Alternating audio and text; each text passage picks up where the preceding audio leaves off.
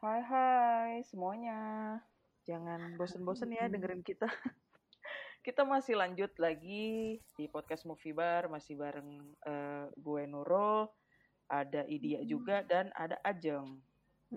Halo. Oke. Okay.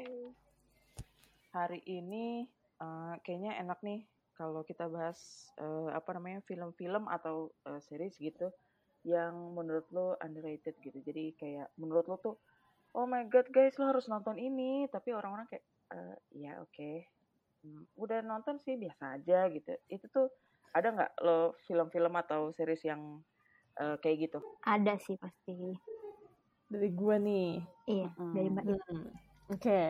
jadi film-film yang apa namanya nggak banyak yang tahu, tapi sebenarnya kayak nyet ini tuh bagus banget gitu. Mm-hmm. um, gue ada satu dan dia itu lagi tayang tuh season barunya baru keluar um, Master of None di Netflix. Hmm, di antara Aziz Ansari. Aziz Ansari ha, hmm. Om Ajis gitu. Wow. Di, di di antara kalian ada yang itu nonton nggak Master of None? Karena kemarin gua... kemarin lo heboh gue nonton sih. Oh, akhirnya iya. nonton. Gue nonton yang season satu dua yang tiga belum nonton. Oke, okay, jadi Jenggo nonton satu dua, terus Ajeng kemarin, eh Nurul kemarin nonton yang season berapa? Satu. Oh lo lo jadi dari satu dulu. Terus mm -hmm. menurut lo gimana? Ya udah.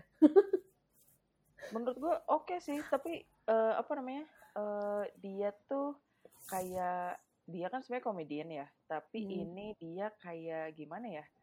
Uh, menceritakan kehidupannya versi dia. Tapi lo tau kan bukan yang mengundang tawa gitu loh tapi gue suka. Hmm. Kayak gue suka aja kesehariannya gitu loh yang digambarkan di series. Gue suka part ini. Ya mak maklum gue baru season satu kan di part adalah orang tuanya dia kan imigran.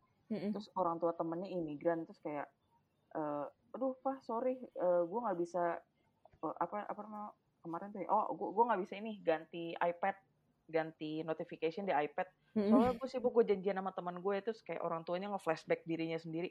Ya kayak halo gue ke sini gitu-gitu kayak terus habis itu uh, kok selama ini kita nggak tahu ya perjuangan mereka gitu-gitu tuh kayak iya ya oke okay, gue paham. Ah, iya iya iya iya. It, dia tuh gue nonton season satu dua udah lama banget ya. Dia tuh bokapnya dokter kan ya? Uh -uh, betul. Iya kayak terus udah gitu kalau nggak salah waktu pindah ke Amerika ya berdua doang gitu kan sama istrinya. Jadi orang tuanya tuh berdua doang gitu. Terus nyokapnya nggak kenal siapa-siapa. Jadi gue gini gue tuh suka topik-topik yang diangkat sama Aziz gitu. Kayak misalnya pertama yang itu tuh kayak uh, gimana sih struggle-nya imigran waktu pertama pindah ke Amerika gitu. Apalagi lu cuma berdua terus cuma modal berapa dolar gitu kan biasanya.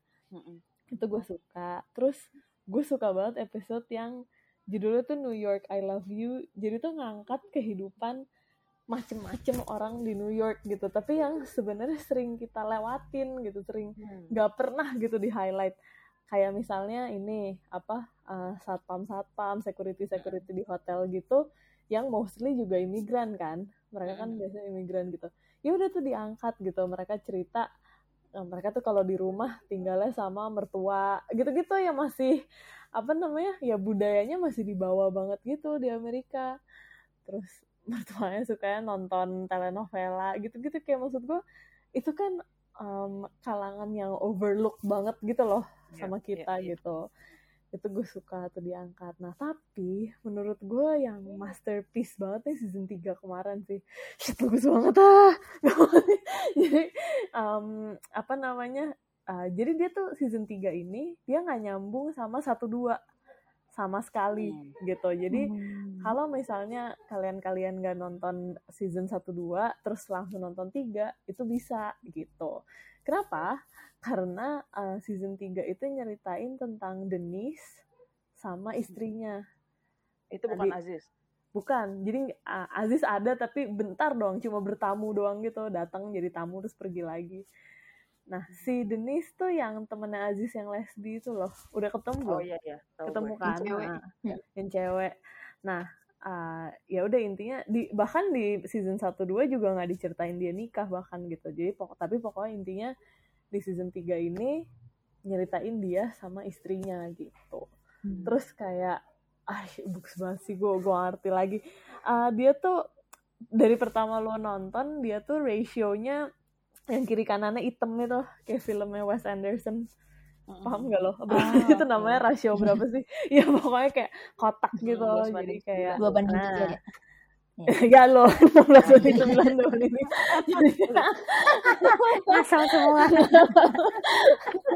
ya, pokoknya, pokoknya yang kotak gitu. Jadi apa semuanya tuh bisa estetik gitu apa sih kayak apa sih dimensinya gitu loh. Jadi kayak misalnya kalau lagi ada gambar pintu tuh di tengah gitu-gitu.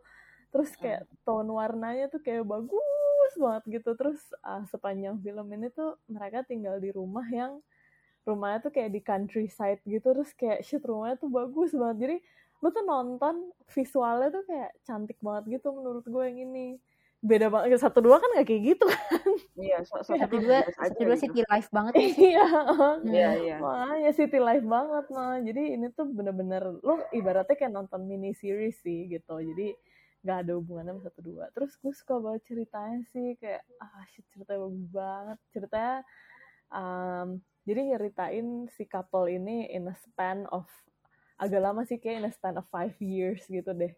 Dari awal mereka tuh uh, apa namanya baik-baik aja tinggal di rumah itu sampai akhirnya uh, mereka sempet kayak memutuskan mau punya anak tapi terus uh, satu dan lain hal terjadi ini terjadi itu terjadi itu kayak oh gue gue nontonnya tuh nangis sih. Gue gue gak nyangka gitu. Maksud gue gue berharap gue akan dapet komedi lagi gitu kayak season season sebelumnya.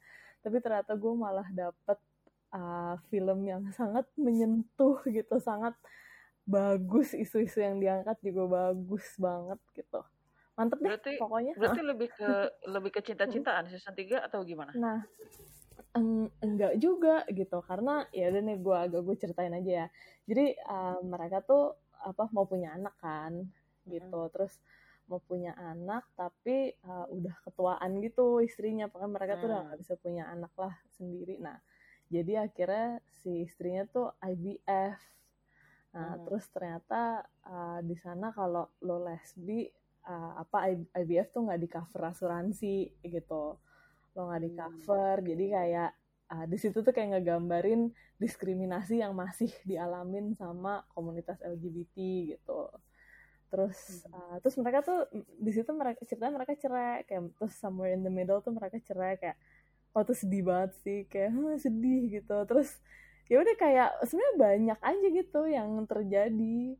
Tapi ah, nggak uh, tahu menurut gue semuanya menyentuh sih gitu. Ya, seputar kehidupan kan nah, kan ke, kayak season satu dua kan ya, ya kehidupan ya. si Aziz gitu kan. Uh -uh. sekarang nah, lebih ke si Dennis ini kehidupannya si Dennis gitu. Terus juga uh, ada struggle di karirnya gitu. Terus udah gitu pas cerai kan berarti ada yang mereka harus jadi single fighter gitu-gitu kayak ah bagus banget sih. Gitu jadi ini sih menurut gue Master of None satu dua tiga ya itu underrated sih. Itu kayak nggak banyak yang tahu apalagi yang season 3 ini. Kalau orang kalau nggak nonton satu dua udah pasti nggak akan nonton yang tiga gitu. Tapi yeah. um, apa namanya ya surprise surprise itu kalau lo lagi nyari mini series buat ditonton over the weekend itu sangat worth it buat nonton 5 episode Master of None season 3 itu. Gitu. Panjang ya. Begitu. Menarik menarik. Apalagi apalagi? Apalagi ya? Uh, satu lagi ini ada juga di Netflix um, kalau kalian kenapa ya? Kan kalau The Simpsons terkenal banget ya. Karena apa namanya? Hmm. karena dibilang bisa memprediksi masa depan lah apalah gitu. Tapi gue kalau udah 20 kartun, tahun aja. Ya dan udah 20 tahun. Sama kayak South Park gitu kan yeah. 20 tahun. Nah tapi ini ada kartun pendatang baru yang menurut gue cukup fenomenal sih Rick and Morty gitu. Uh, Rick and Morty tuh pas pertama keluar gue kayak apa sih ini? gitu. Gue penasaran karena dia tuh tinggi banget gitu loh di uh, IMDb ratingnya. Oh ratingnya. Nah, coba gue cek dulu. 9,2. Tinggi sih, tinggi, tinggi banget. banget. Iya makanya untuk series tinggi banget kan. Uh -huh. Gue kayak kartun lagi.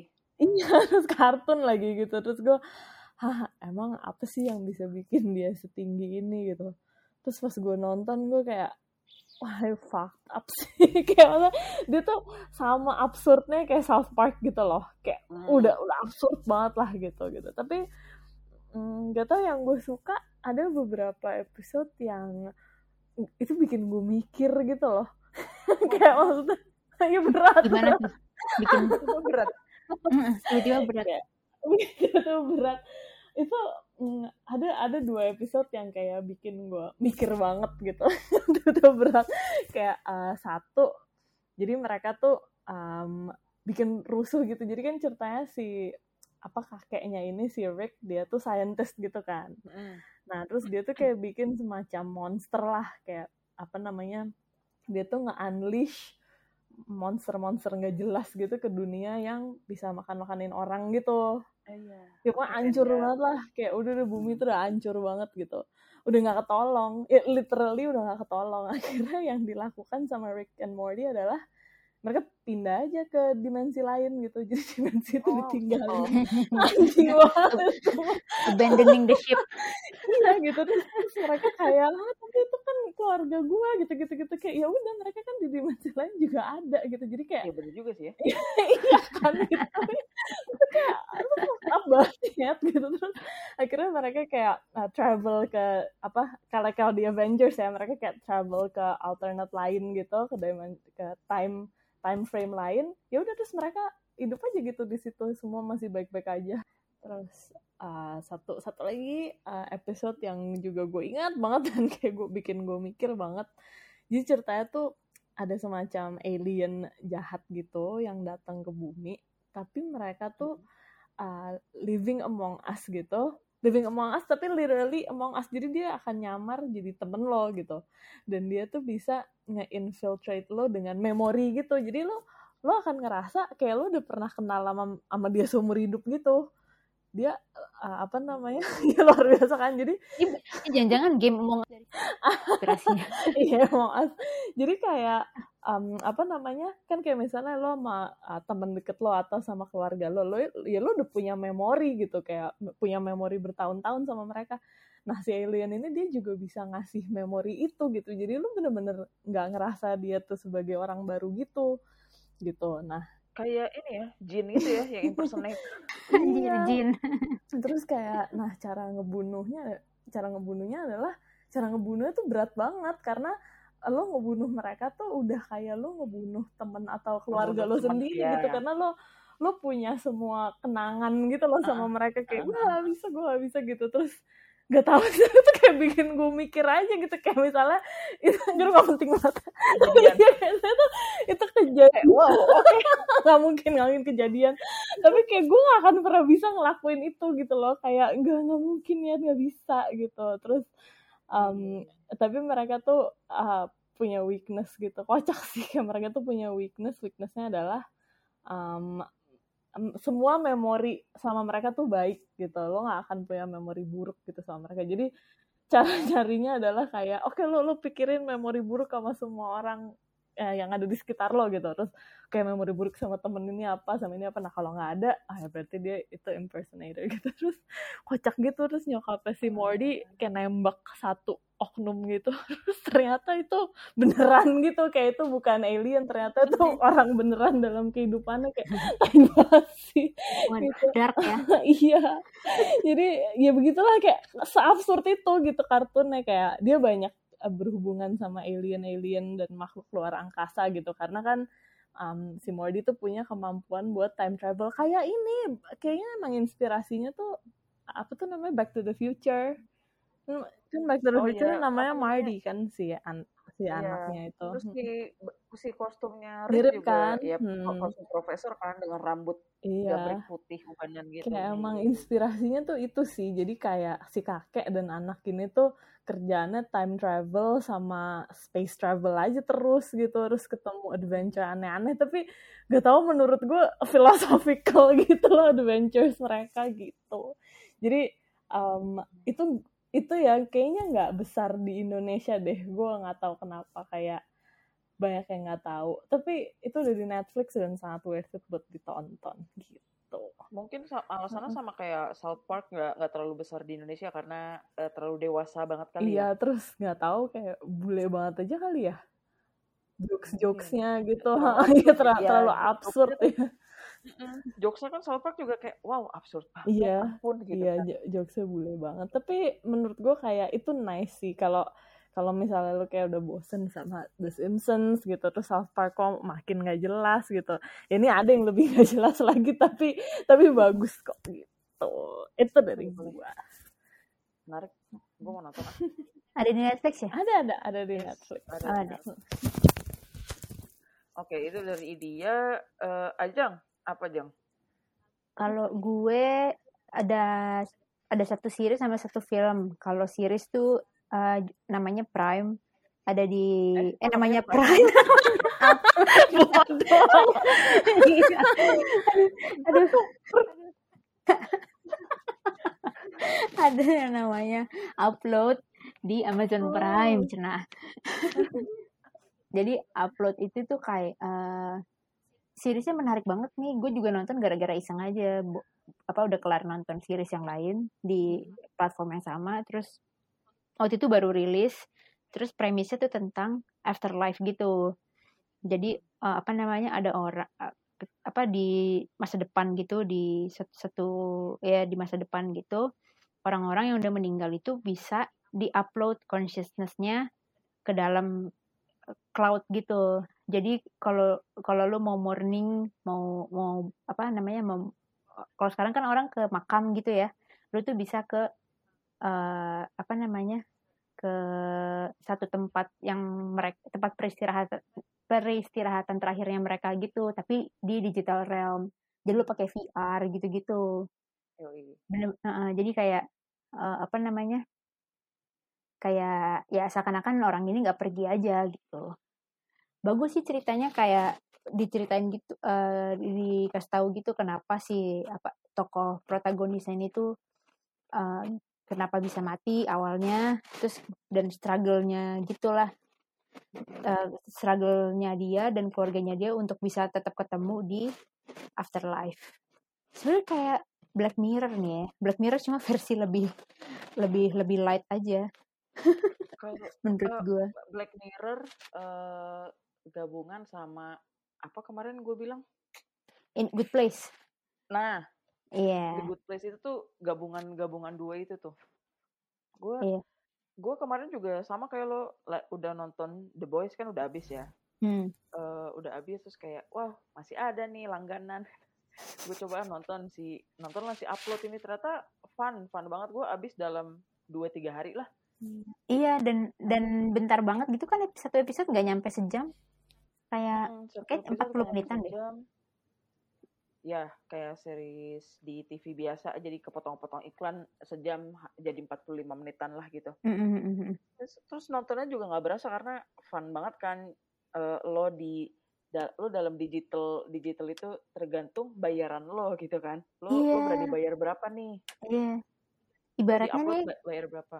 Mm-mm, ibaratnya lo kayak ya sama aja lo kayak lo nyawa lahan kuburan gitu ya sekarang. Mm-mm. Buat uh, nantinya ketika lu meninggal keluarga lu bisa ngunjungin cuma ya tergantung lu bisa bayarnya seberapa gede gitu kan kalau lu hmm. kalau lu makin gede bayarnya ya keluarga lu nantinya bisa eh, bisa ngakses lebih banyak bisa iya. tempatnya lebih bagus gitu-gitu kan yang kocak itu yang kalau buat uh, gue lupa pokoknya yang yang paling rendah deh kuotanya cuma 5 giga.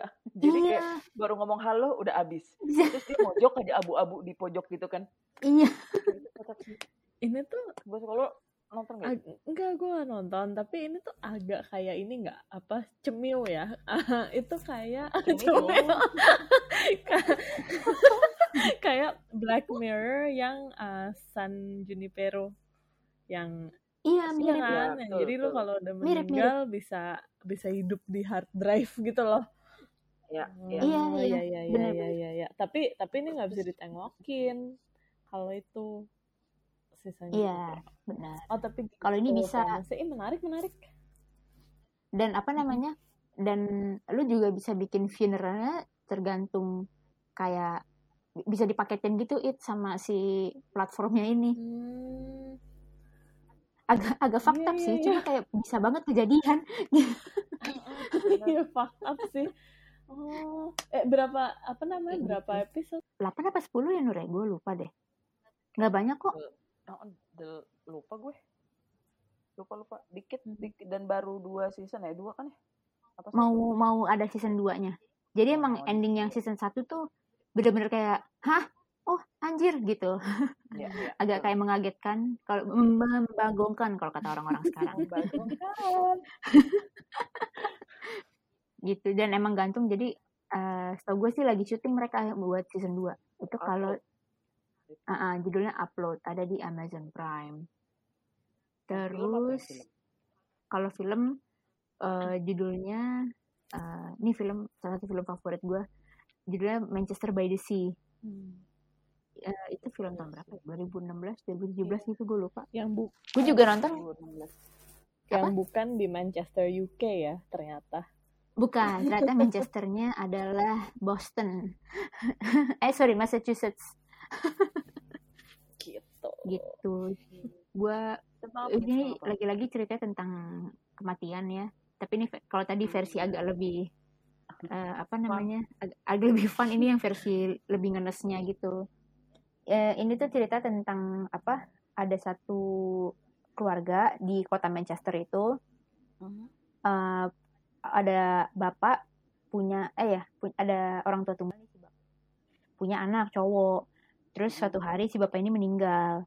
Bapak ini meninggal karena negara apa ya serangan jantung. Gara serangan jantung. Habis itu di willnya dia itu yang harus karena si anaknya ini belum 18 tahun jadi harus ada guardiannya kan. Nah Ya. di will di willnya itu guardiannya adalah omnya gitu. Nah sedangkan omnya itu eh, tinggalnya di di Boston kalau nggak salah. Di di kota Bostonnya. Dan dia punya memori buruk gitulah soal si kota Manchester ini. Gitu. Jadi dia, dia dah jadi nyeritain eh, si siapa namanya si omnya ini eh, kenapa apa dia harus balik ke kota Manchester untuk ngerawat si ponakannya dan juga dealing sama traumanya dia di situ sedih sih sedih banget Sedih. filmnya yang main Casey Affleck Iya, adiknya Ben Affleck. Mirip iya banget. adanya Ben Affleck iya tapi kayak nggak tahu kenapa film-filmnya Casey Affleck tuh kayak lebih bagus gitu gue apa kan gue udah nonton gue mau menanggapi kayak eh, sedih banget sih Mm-mm. kayak eh, kayak oh sedih banget gitu gue iya sedih banget kan. bagus menurut gue bagus tapi emang iya banyak yang nggak suka gitu loh banyak yang kayak ah gue bisa aja gue bisa aja gitu kalau menurut gue personally itu too dark sih gue nggak sanggup nonton lagi gue nggak tega gue Menarik. Aku suka nih kayak ya jadi si trauma yang dihadapi sama si Casey Affleck ini tuh diceritain kan sebenarnya apa yang terjadi di. Manchester itu tuh menurut gue kayak shit gitu. Itu sedih banget ya. sedih banget. Gue kayak gue sampai nggak sanggup nonton lagi gitu gue nggak tega sih. Ujian Hmm. banyak Gue- kok nggak salah gue beberapa kali sempat mau nonton tapi eh apa namanya kayak terlalu awal-awal kayaknya dari covernya aja kayak wow udah sendu Iya, banget iya. emang sendu banget. Awal-awalnya emang kayak pas lu nonton pun awalnya tuh emang apa udah udah apa ya udah gloomy gitu loh settingannya. Karena kotanya sendiri tuh ya sesuai judulnya ya by the sea. Jadi kayak beneran apa dingin. Kayak lu nonton ini Nur Defending Jacob. Hmm paham. Kota-kota New England gitu loh yang yang selalu hujan berkabut uh, anginnya dingin gitu. Ya ya ya kayak gitu. apa ya suram-suram di, gelap gimana gitu kan. Iya. Itu sih ba- ba- menurut gue yang bagus yang underrated menurut gue sayang ya itu Iya sih, iya banyak sih, yang harus beneran. lebih tahu sih bener-bener nih film bagus Mm-mm. banget. Semoga banyak yang nonton nih setelah dengerin ini. Wow influential ya. Lagi-lagi. Waktu itu nasihatin produser. Iya. Seneng. Sekarang berasa oke. Sama klaim banget? Oke. Eh, tadi dari Idia udah Ajeng udah sekarang gue ya? Iya. Gue dua-duanya series nih. Hmm. Nah, eh, series pertama ini ini sering banget gue omongkan. Karena ini menurut gue emang beneran bagus banget apa kayak uh, banyak orang harus nonton. Tapi saking underratednya ya bahkan uh, dia cancel. Jadi udah nggak dilanjut oh, lagi. iya, iya. Oh. sedih gak sih? Padahal beneran bagus banget gue nggak bohong. Judulnya adalah Pushing Daisies hmm. ini oh. yang main uh, Mas Pace Lipe iya tahu gue.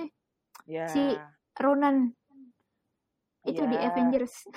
Ya betul betul betul betul. Oh ya terus, terus itu kan uh, cakep banget ya. Itu aja hmm. gue udah terhibur gitu ngelihatnya gitu kan. Terus uh, si Pushing Daisies ini bercerita tentang si Mas uh, Mas Lipes ini dia adalah seorang anak yang uh, broken home. Dia tinggal sama ibunya. Terus dia tuh kayak punya keahlian. Ka kalau ada mayat gitu kalau ada yang meninggal dia sentuh mayat itu bangun lagi. Tapi kalau lebih dari satu menit uh, eh sorry sorry jadi gimana nih? Terlalu, kok gue jadi bingung terlalu. Oke, jadi mayat meninggal nih, mayat meninggal, terus dia sentuh, mayatnya hidup lagi. Tapi dalam satu menit dia harus sentuh mayat itu lagi supaya uh, dia jadi meninggal lagi gitu.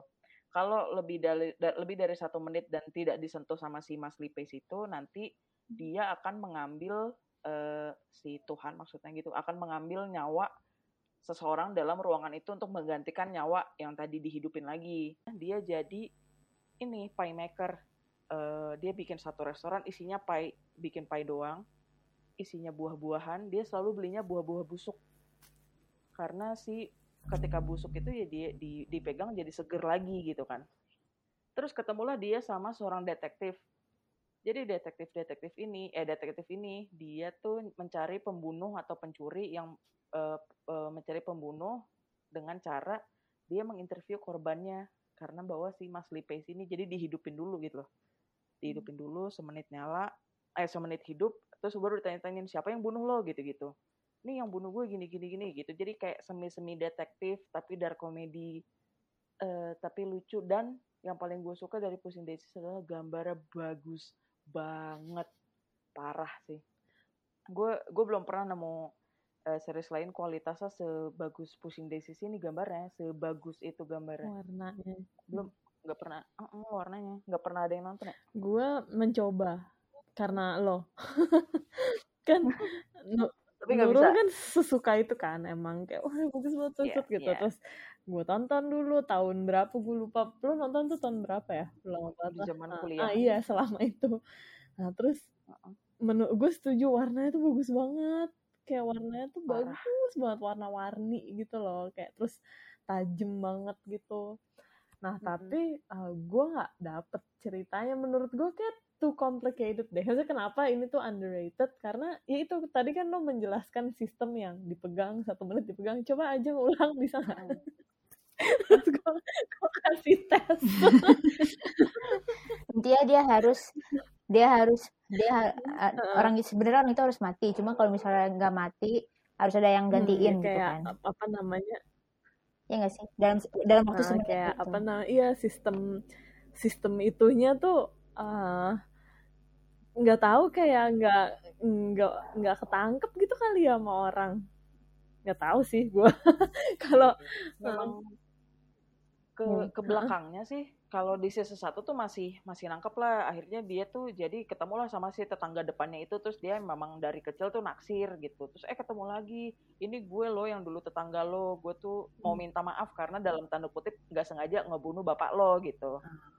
nah itu itu sebenarnya kisah utamanya tuh itu gitu. Cuman uh, jadinya kan uh, tadinya si tetangga itu meninggal terus dia hidupin lagi terus dia nggak bisa nyentuh terus tetangganya kayak enggak gue masih penasaran. Gue harus cari kayak tante-tante gue terus uh, si lipesnya gue harus cari bapak gue gitu-gitu jadi memang panjang dan ya memang gue agak paham sih kalau di cancel karena ceritanya juga banyak banget cabangnya gitu ah, ya tuh complicated gitu ya hmm. ya betul hmm, kayak tapi ini seru sih itu karena menyegarkan mata gitu iya. loh dari ya warnanya aja bagus banget dia kan. tuh uh, kayaknya apa ya menurut gue ya, penulisnya tuh terlalu ambisius gitu loh kayak gue mau A B C uh, gitu semua gue ngerti gitu dia kan. menghayal gitu kayak oke okay, kita bikin hmm.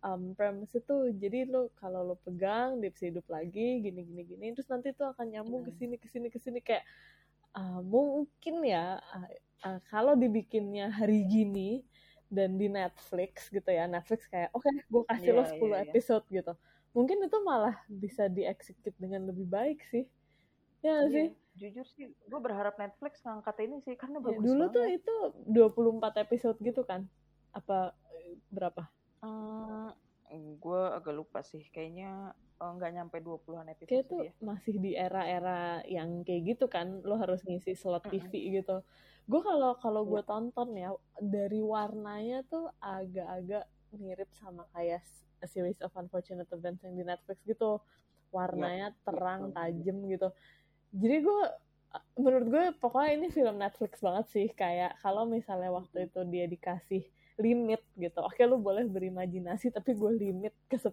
episode. Itu mungkin bisa lebih sukses sih gitu. Ya jadi dragging aja sih ya kayaknya. Iya itu dia. Makanya gue gue sih berharap banget sih oh si Netflix mau ngangkat Pushing Daisy. Cuman kayaknya yang nonton sedikit banget. Sedih sedih tapi bagus banget beneran. Kalian coba nonton. Tapi sejujurnya gue nggak tahu sih Pushing Daisy adanya di mana. Karena dulu gue ilegal maklum anak kuliahan iya. zaman dulu. Itu oke okay. itu Pushing Daisy kayaknya sempet kayaknya sempet ada di Netflix dah gue pernah oh, lihat. gue nggak tahu sih. Dulu banget. Terus ya udah sekarang udah nggak ada pokoknya tahun 2007 sampai tahun 2009 oh, apa 2008 gitu sih ya. situ Iya cuma dua season hmm. abis itu ya udah gantung gitu karena eh gue nggak tahu deh penyebabnya apa pokoknya gantung terus kayak kecewa pengen nonton lagi tapi takut kecewa orang udah dikecewakan kecewakan lagi aduh itu itu Pushing Daisies yang nggak gue yang gue nggak tahu bisa ditonton di mana sekarang. Nah, hmm. Kalau yang ini bisa ditonton di Facebook ya baru tahu kan lo Facebook ada uh, platform untuk nonton. Gue baru tahu sih. Gue baru tahu. baru tahu gue. ya kan? Jadi Alkisah, gue tuh terkagum banget sama si WandaVision kan. Uh, WandaVision tuh bagus banget Paul gitu. Sampai akhirnya gue menonton lah hampir semua yang dimainkan oleh si Elizabeth Olsen. Ketemulah sama si series ini. Series ini judulnya I Am Sorry for Your Loss. Jadi uh, bercerita hmm. tentang si Elizabeth Olsen. Gue lupa namanya siapa Lee. Uh, si Lee ini adalah seorang wanita muda yang baru menikah. Baru menikah tuh kayaknya baru kayak setahunan gitulah. Terus suaminya meninggal, jadi dia janda muda. Nah, si cerita si I Am Sorry for Your Loss ini adalah cerita tentang dia coping uh, dari griefnya dia ketika suaminya meninggal itu gitu. Jadi adalah momen-momen dia kayak apa sih yang kalau kalau di luar negeri kan ada tuh kayak alcohol anonymous kayak gathering gitu kan sesama uh, janda duda gitu. Iya nih gue bis uh, apa namanya saudara gue meninggal, suami gue meninggal dia tuh join itu. Nah, support group gitu group ya. Gitu. Dia ikutan gitu cuman uh, ya namanya juga lagi berduka ya dia kayak ya gimana gue nggak mau terima kenyataan suami gue tuh ya gimana gue nggak siap kalau suami gue meninggal gitu tuh. Itu dia dapat banget. Gue suka banget jalan cerita season 1 jadi dia udah dua season nih. Ada season satu sama season 2 si season 2 nya menurut gue agak kurang lah. Tapi season season satunya tuh wah Paul itu gue sampai ter, tergerak ter, terharu lah terharu tergerak hati gue. Jadi kayak pengen puk-puk itu mana basian habis WandaVision kan udah sedih. Ini tambah sedih Paul banget melengkapi penderitaan hidupnya si Mbak Elizabeth Olsen tapi kayaknya dia emang cocok deh yang apa ditinggal-tinggal mati gini.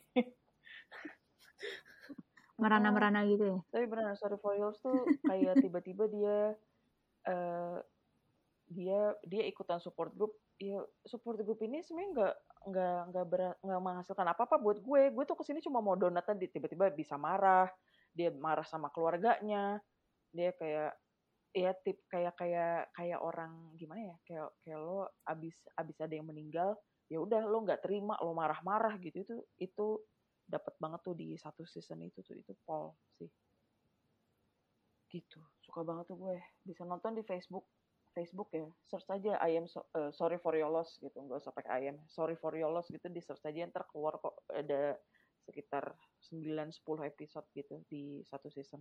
Oh, subscribe-nya gimana Nur? Enggak, nggak usah subscribe, gratis, tis, tis, tis. Oh, nonton ya. aja langsung. bahkan oh. kalau misalkan kita pakai ya kita di Indonesia dia langsung keluar subtitle Indonesia kita kalau di VPN US keluar subtitle bahasa Inggris gitu-gitu udah ada subtitle pun gitu, jadi bisa ditonton di Facebook ya buat yang belum tahu kalau Facebook tuh ada film gratis bisa ditonton gitu oke okay.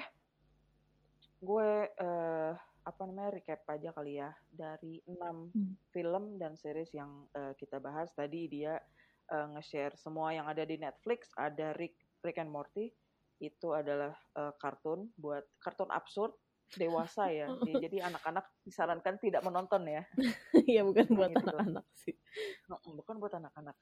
Uh, Rick and Morty dan uh, buat yang suka South Park juga mungkin uh, bisa nyambung nih ke Rick and Morty kalau yang bosen sama uh, net eh, apa namanya Simpson. Ini bisa ditonton di Netflix.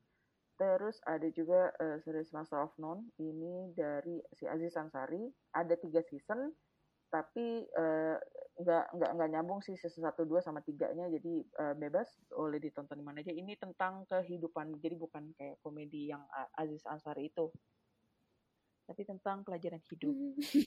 Lalu dari Ajeng, Ajeng tadi reko, uh, rekomen Manchester by the Sea. Ini film film Casey Affleck, adiknya Mas Ben. Ini tentang uh, kembali menerima tra trauma, jatuhnya ya kembali menerima trauma uh, dalam keadaan terpaksa, tapi harus, tapi harus dihadapi. Manchester by the Sea cukup dark, ini ini juga nggak tahu sih nontonnya di mana tapi uh, mungkin di googling googling ya kali-kali ada gitu. Mungkin ilegal. Mungkin ilegal tapi ya anjir advokasi. tidak menyarankan gitu. Lebih baik yang legal-legal saja. Iya benar-benar uh, eh, boleh ditonton juga kalau lagi yang pengen uh, berseduh sedan.